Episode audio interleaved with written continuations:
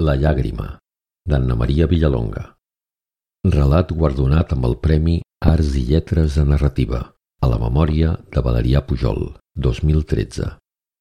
Veus, Miquel Llobera, Maribel Gutiérrez i Maria Josep Morgado, de En veu alta, enveualta.cat. La lloba geia exhausta al fons de la llobera la respiració encara agitada i els ulls mig clucs. Els cossos càlids dels quatre cadells bategaven al seu costat com quatre miracles. També semblaven cansats. Venir al món era un exercici veritablement dur. De moment no es movien gaire, però el pare sabia que ben aviat començarien a fer-se la guitza per arribar als mugrons i a la dolça llet. Va mirar la llopada amb tendresa. Tots quatre tenien les potes ben formades. Estava segur que es convertirien en uns llops sants i forts. Li va semblar enmig del garbuix de morros i pèl que només hi havia un mascle. Les altres tres eren femelles. Tres filletes seves. El gran llop gris no podia amagar l'emoció. Va fer una ullada a la valenta mare. Ni una queixa de dolor havia sortit de la seva boca mentre treia del ventre aquelles quatre criatures desmenjades i molles. El llop la va contemplar amb orgull. La seva família. Va sortir de la llobera.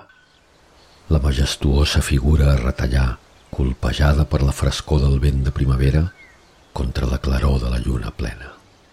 Una bola rodona, lluenta, que guarnia la immensitat d'un cel curull d'estrelles. Ferm sobre la roca dura, el gran llop gris udolà amb energia. El seu crit de felicitat retronyia en el silenci nocturn i s'estengué multiplicat per onades sonores a través de les cingleres i les valls de la serralada. L'Adolfo Garcia es va llevar molt d'hora. Havia programat l'alarma del despertador a les sis en punt, però una estona abans ja s'havia dutxat i s'estava preparant una tassa de cafè. Els nervis l'havien mantingut despert quasi tota la nit. Era curiós. Malgrat la seva experiència, sempre que sortia no podia evitar la mateixa sensació d'urgència. L'espera se li feia interminable. La seva dona va aparèixer a la porta de la cuina. Coneixia els seus costums. Ja ho portes tot? Ell, amb la tassa a la mà, va respondre amb el cap. Tots dos sabien que era una pregunta superflua. Al vespre abans havia netejat l'escopeta pulcrament. Havia comptat els cartutxos, omplert la motxilla i desat damunt del respaller de la cadira la roba i la resta de l'equip que necessitava. Era molt meticulós, mai no deixava res a l'atzar. Abans de ficar-se al llit, havia consultat a internet la previsió del temps. El Servei de Meteorologia anunciava boira i temperatures baixes per a l'època de l'any, però no hi havia indicis de pluja. Perfecte! La calor no era bona companya en aquell esport. Estava molt excitat. Volia aprofitar bé la jornada, una de les últimes. La temporada estava a punt de concloure. Només faltaven dues setmanes. El maleït Departament de Medi Ambient tan sols permetia la cacera de la cabra mascle entre el primer diumenge de març i el darrer dissabte de maig. Un període ridícul. Adolf Garcia els considerava uns snobs tocats del bolet. Tota aquella història de preservar la fauna. De cabres salvatges en sobraven. Ell ho sabia molt bé. Però els buròcrates de despatx no en tenien ni idea i l'únic que feien era deixar-se entabanar per aquella colla de brètols que s'entestaven a equiparar l'ésser humà amb les bèsties. Per culpa seva, ell s'hauria d'esperar tot un any. És clar que a la tardor i al començament de l'hivern hi havia altres possibilitats com el porc senglar i les nombroses espècies considerades de caça menor. Però ell preferia l'aventura de perseguir les cabres salvatges, en especial els àgils mascles, a través dels perillosos cingles. El gran llop gris va tornar a la llobera intentant no fer soroll. Els cadells ja s'havien arrapat els pits de la mare i xuclaven amb força els uns damunt dels altres. La lloba, quieta, els contemplava amorosament intentant ignorar el dolor dels mugrons. Se sentia exultant. Va creuar una mirada orgullosa amb el mascle i, sense emetre ni un gruny, tots dos es van entendre. Ara tenien quatre vides per protegir. Quatre petites vides noves indefenses. semblava impossible. La jove va treure la llengua i va començar a llepar el cadell que tenia més a prop. N'hi havia un de gris fosc, com el pare, una femella. Els altres, tot i que encara semblaven una bola de pèl sense forma, eren rossos. La bandada havia estat més nombrosa temps enrere, però en aquelles contrades la vida cada cop es feia més difícil. De mica en mica els companys havien desaparegut. Un va caure en una trampa i va quedar atrapat. Un altre va morir inesperadament, potser estava malalt. Un tercer simplement va sortir a buscar menjar i no va tornar mai més. Ara estaven sols, tots sis, però tot aniria bé. Formarien una nova bandada. La bandada seria la família. El gran llop gris, esgotat per la intensa nit, va geure al costat de la lloba, però l'excitació no el va deixar dormir. El seu amic Albert va arribar puntual. Adolf Garcia va agafar els estris i va sortir al carrer. L'Albert l'esperava amb el motor engegat. Es van saludar i sense perdre temps van enfilar a bona velocitat cap a l'autopista. El trajecte, com de costum, es convertia en una continuada remembrança d'aventures antigues. Feia molts anys que anaven de cacera junts. Els dos homes, tan contents de les seves fites com criatures amb una joguina, reien sorollosament i es delectaven amb el record de les anècdotes passades, dels perills viscuts, de les millors peces aconseguides. El dia tot just obria els ulls quan van aturar el cotxe davant de l'hostal de sempre. La serralada, imponent rere la boirina blava, semblava esperar-los. Els dos homes gairebé no podien suportar la impaciència, però l'esmorzar de forquilla formava part d'un ritual absolutament imprescindible. Botifarres, pa amb tomàquet, un porró de vi negre, el cafè ben carregat amb un rajolí de conyac suficientment generós. Adolf Garcia no s'hi posava sucre. Van encendre un cigarret i es van mirar compleguts, sospirant amb satisfacció. L'Albert va riure, fent una picada d'ullet a la jove cambrera. Adolf Garcia es va fregar les mans. Tot anava de meravella. El gran llop gris havia fet una becaina. De sobte es despertà. De seguida va girar la vista cap a la mare i les cries. Tots els cadells descansaven tranquils.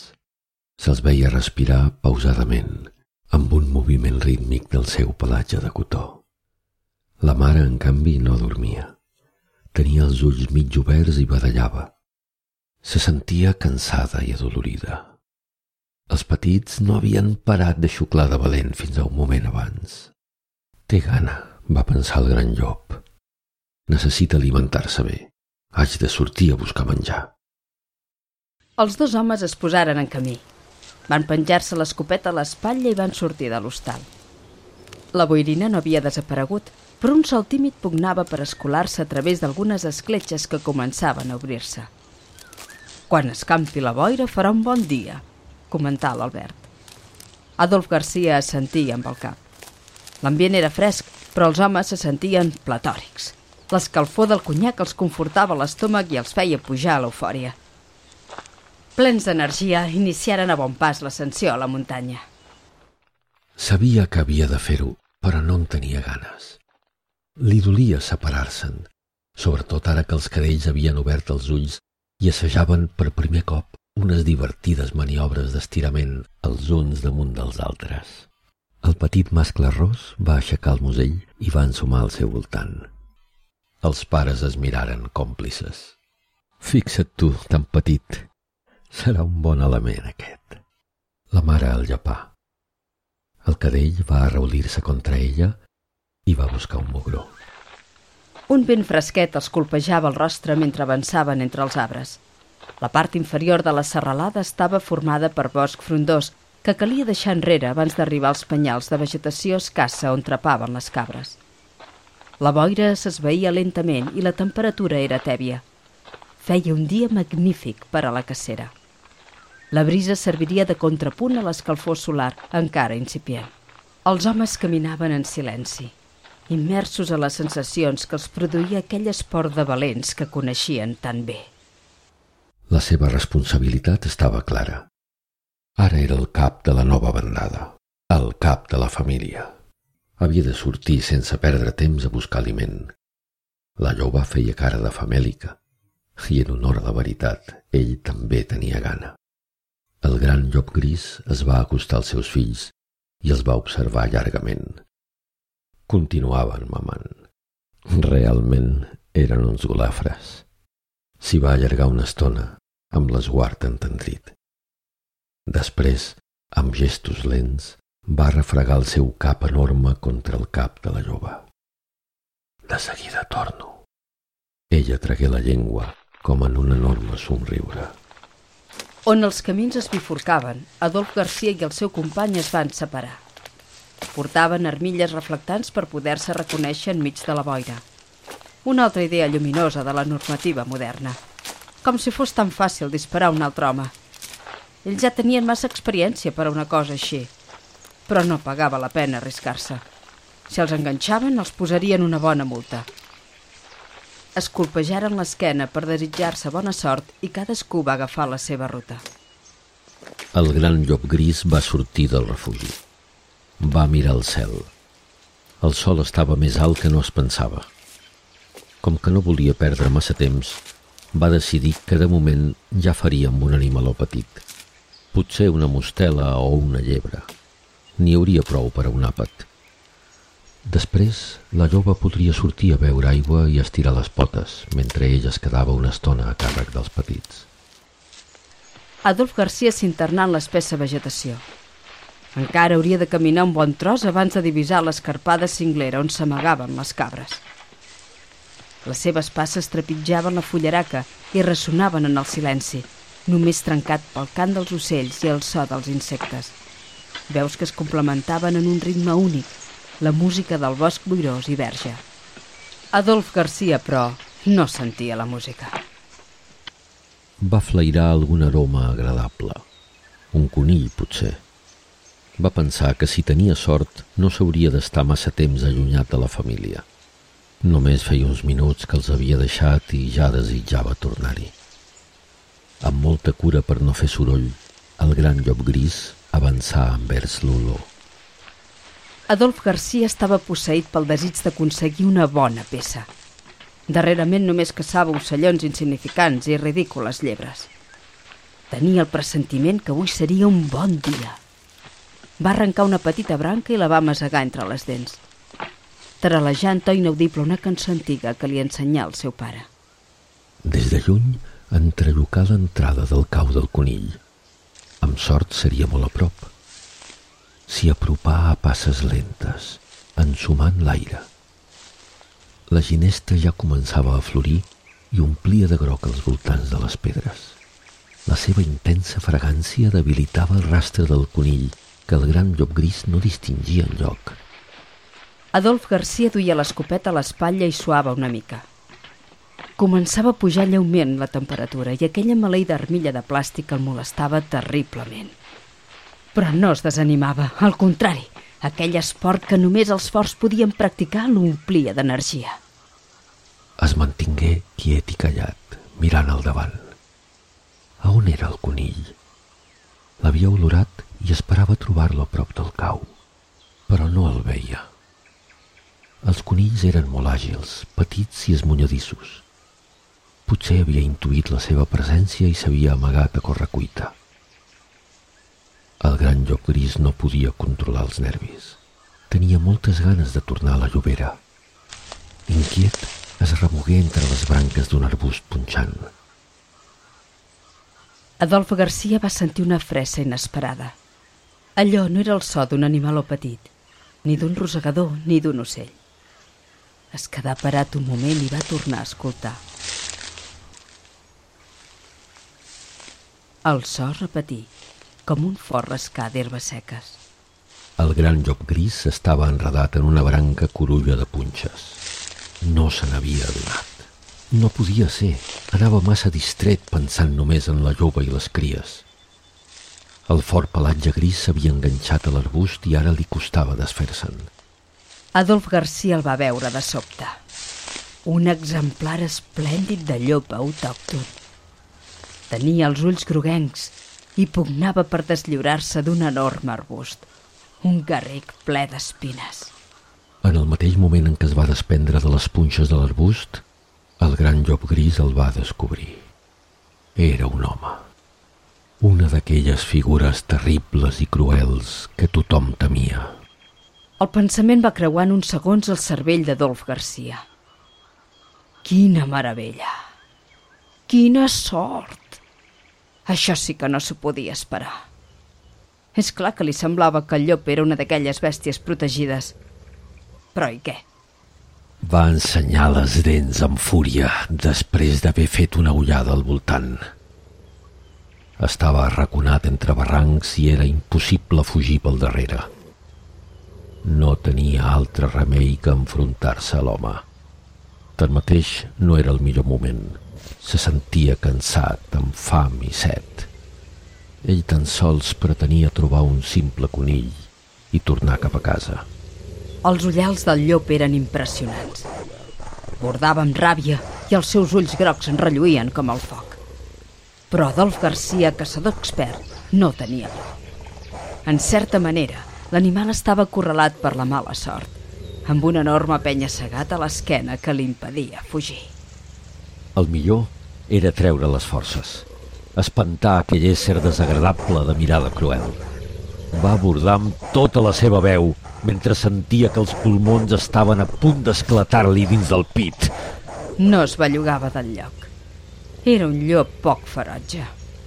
Adolf Garcia sabia molt bé què havia de fer. Després d'aquell dia, seria l'admiració de tots els caçadors de l'associació. El maleït home no marxava. Com era possible? No hi feia res allà. No pertanyia al bosc. El gran llop gris va tenir por. Va abordar més fort i va ensenyar les dents amb to d'amenaça. Adolf Garcia no s'immuta. Sense trencar el contacte visual, va plantar fermament els peus a terra amb les cames una mica separades. No hi havia res a fer. L'havia d'atacar, encara que estigués cansat. Aquell home no marxava. Despenjar l'escopeta de l'espatlla amb un gest lent, calculat. La mirada sempre endavant. Va agafar embranzida amb les potes del darrere. Quasi va volar enmig de l'aire tebi. El seu impacte retrunyia entre els cims de les muntanyes. L'havia sorprès en ple atac al molt babau. Mai no hauria imaginat que fora tan senzill matar un llop. Adolf Garcia se sentia invencible, una mena de déu que ningú no podia destruir. S'acostà la presa jaguda a terra, sorprès de la fugacitat del moment. Tremolà de ple. Un instant sublim. S'aturà al costat del llop enmig de la polseguera aixecada pel tret, amb l'escopeta penjada del braç. Començava a fer calor. Com s'enduria la bèstia? Devia pesar moltíssim. L'examinà amb atenció mentre ideava la manera. Semblava un exemplar jove. Se sentia increïblement satisfet. Havia estat tan fàcil. Adolf Garcia era l'heroi que havia matat un llop perillós i enorme en un clar matí de primavera. El gran llop gris aixecà la mirada. Va captar les cames de l'home, el color groc de l'armilla. Udolà suaument, sense força. La vida s'escolava de pressa. Una glopada de sang li pujà a la boca des de la gola resseca. Enmig de la boira dels seus ulls va veure la llopada recent nascuda. El garbuix de pèls bategant sobre els pits de la mare. La mare llapant els nadons. L'escalfor de la cova i de la vida. Després, abans de la foscor, un gemec profund li retorçà l'ànima. Adolf Garcia va decidir que no se l'enduria. En realitat, per què? Faria unes quantes fotos per immortalitzar la fita i marxaria en recerca de les cabres. Si s'enduia el llop, la jornada de cacera ja s'hauria acabat. Una hora més tard va aparèixer el guarda forestal de la zona. Recorria el bosc per avaluar el nivell d'humitat de la vegetació. Feia molt que no plovia i s'havien de decidir els dispositius antiincendis d'aquell estiu. De seguida va veure l'animal. S'hi acostà, sobtadament disgustat. Es tractava d'un exemplar fort i magnífic. Desolat, el guarda va seure en una pedra. El cap del gran llop gris reposava de costat als seus peus, enmig d'un toll de sang. Un tímid raig de sol li queia al damunt. Tenia un ull obert opac, vidriós. El guarda sospirà i l'observà amb respecte. De cop es va posar d'en peus, cor pres, suspesa de la parpella, com una diminuta gota d'aigua cristal·lina. Tremolava, encara càlida i humida, una petita llàgrima.